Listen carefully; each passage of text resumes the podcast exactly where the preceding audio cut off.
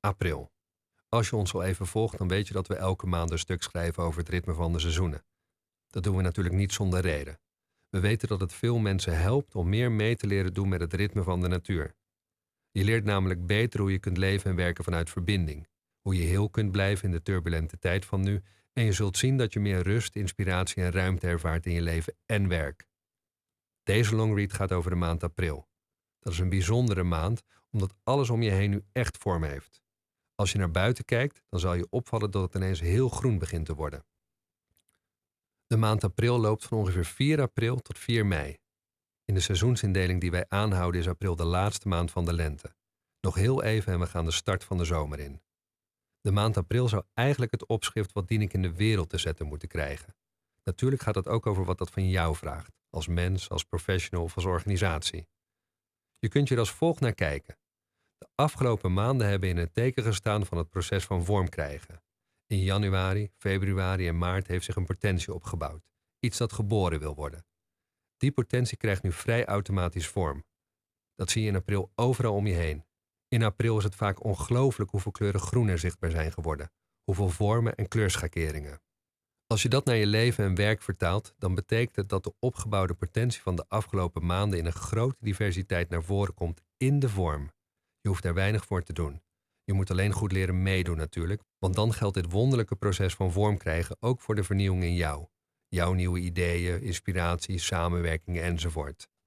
Het is goed om nog een keer te benadrukken dat het model van het natuurlijk ritme gaat over hoe vernieuwing en inspiratie vorm krijgen in ons leven en werk.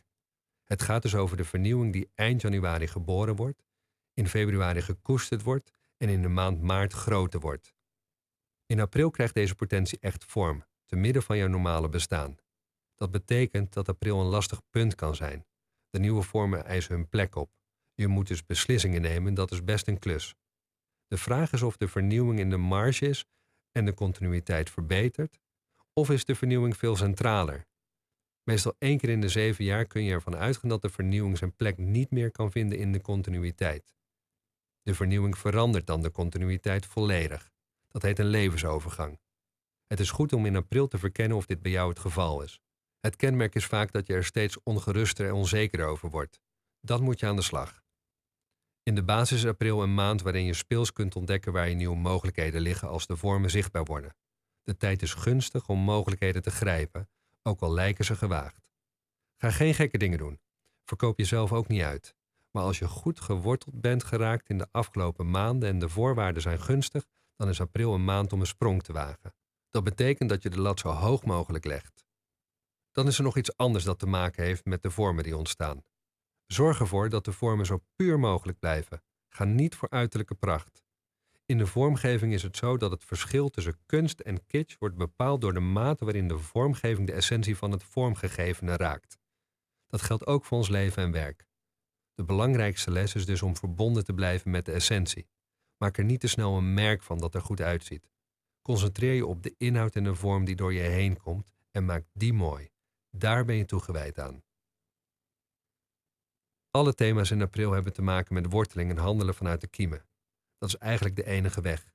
In april krijg je op jouw nieuwe vorm een eerste terugkoppeling en dat loopt door in de maanden mei en juni.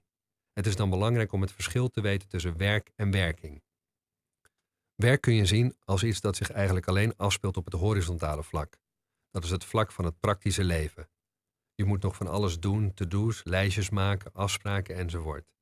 Werk is iets dat soms kan voelen alsof je achter de feiten aanloopt. Werking is anders. Werking komt voort uit een diepe worteling. Het komt diep van binnenuit en is daardoor bezielend en meeslepend. Hoe dieper de worteling, hoe vanzelfsprekender de werking. Het betekent dat ook de buitenwereld zich om jou heen gaat voegen. Dat is bij werk heel anders. Dan ren je met jouw vormen de buitenwereld in om ze aan te bieden. Besef je dat als de worteling goed is, het uiteindelijk vanzelf gaat. Daar kun je op vertrouwen. Tot slot, blijf letten op details. Ook dat is aan de orde in april. Je bent nu ook bezig met het afhandelen van lopende zaken, niet alleen met hoofdzaken en de lange termijn. Concentreer je op datgene wat loopt. Er zijn dingen die niet gaan, er zijn weerstanden, die moet je behandelen. Maar je concentratie moet liggen op datgene wat vorm krijgt. Doe je dat niet, dan kun je in je frustratie blijven steken en dan stagneert de verdere groei van de vorm. April gaat over macht en het uitoefenen van macht, over schoonheid en geestdrift. April vraagt veel van je leiderschap. Als je daar meer over wilt leren en wilt weten hoe je dat moet doen, stuur dan een bericht naar info.clubgroeneveld.nl. Je krijgt dan de uitgebreide longread toegestuurd. Wil je langere tijd aansluiten bij het natuurlijk ritme? Word dan lid van Club Groeneveld. Dan heb je een jaar lang toegang tot de bron. Je ontvangt maandelijks exclusieve longreads, podcasts, oefeningen en meditaties in een online leeromgeving. Als Club Groeneveld lid ontvang je bovendien 20% korting op de leerstromen. Meer informatie over het lidmaatschap vind je op onze website.